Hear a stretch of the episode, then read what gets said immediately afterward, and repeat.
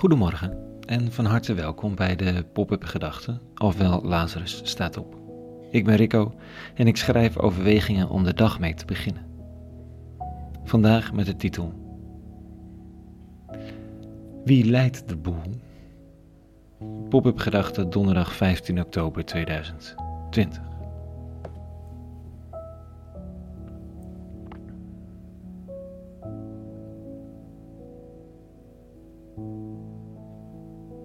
We weten het natuurlijk niet zeker, maar het lijkt alsof de aarde toch een beetje op eigen vermogen rondtolt rond zijn as. Dat er nou eenmaal natuurlijke wetmatigheden zijn die zorgen dat als je de sfeer verpest, de ozonsfeer, de CO2-sfeer of andere hemelsferen, dat je dan op de blaren zult moeten zitten. Dat het maar de vraag is of de mensensoort de eigen fouten overleeft.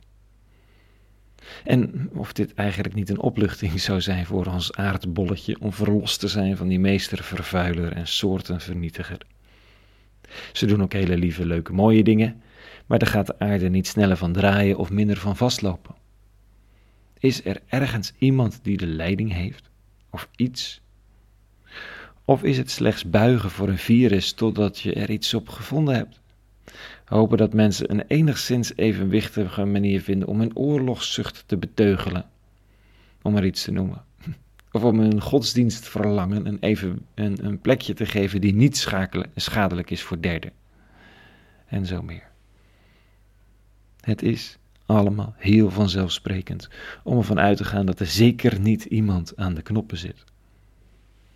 Onlangs las ik nog over dat Griekse wereldbeeld met al die goden als Zeus en Hermes en wie ik niet al. Daar zit ook niemand aan de knoppen. Daar heb je het noodlot.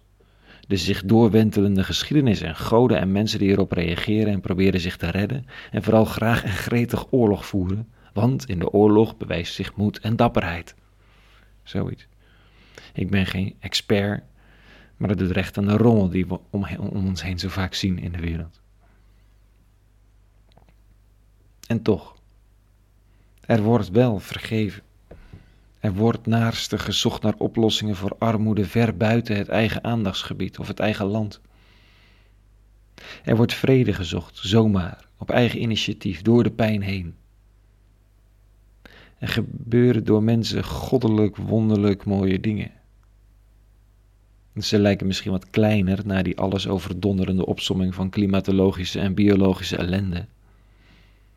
Maar zijn ze dat ook? Of zo gezegd, wordt de wereld geleid door de Trumps. Aan God of gebod niets gelegen laten liggen als we maar winnen. En iedereen die dit tegenstreeft is een landverrader, dom of lelijk of lui. Of is hij in zijn stijl een tijdelijke oprisping, een decor, waartegen een ander soort leven wordt geleefd en gespeeld.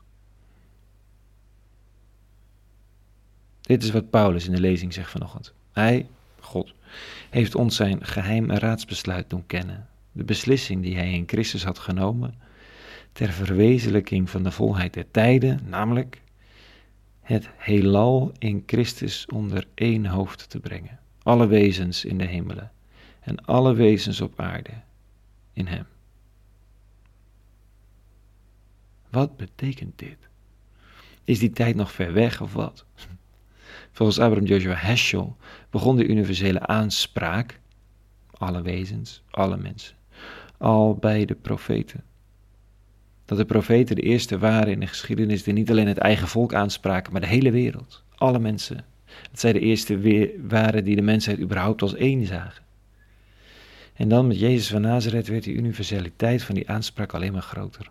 Er was maar één mensheid en het lot van een ieder was met ieder ander verbonden. Het is hier en daar de schoonheid van de intermenselijke zorg, van aandacht van mensen aan wie je niet per se iets zou hebben in de toekomst. Alles wat geen eigen belang is. Is dat een uitzondering op een rondtollend mechanische wereld waarin degene die zich het best weet aan te passen overleeft? Op darwinistische wijze? Of speelt er iets anders? En wordt in die hele rondtollende wereld de mens steeds zacht en dringend verzocht om gehoor te geven aan de Heer der wereld? Die oproept tot genade, liefde, vergeving, hoop, rechtvaardigheid.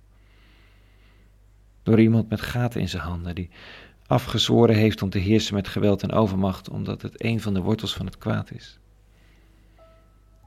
En dat is iets waardoor de machtsgeïnteresseerde mens zijn meesterschap soms maar moeilijk herkent. Onder alles en in alles, die ene stem, tegen een snel wisselend decor van virus en klimaatverandering. Die ene vraag om te volgen in zijn spoor, waar je dat ook brengen mag. Dat is misschien wel het geheim waar Paulus over spreekt.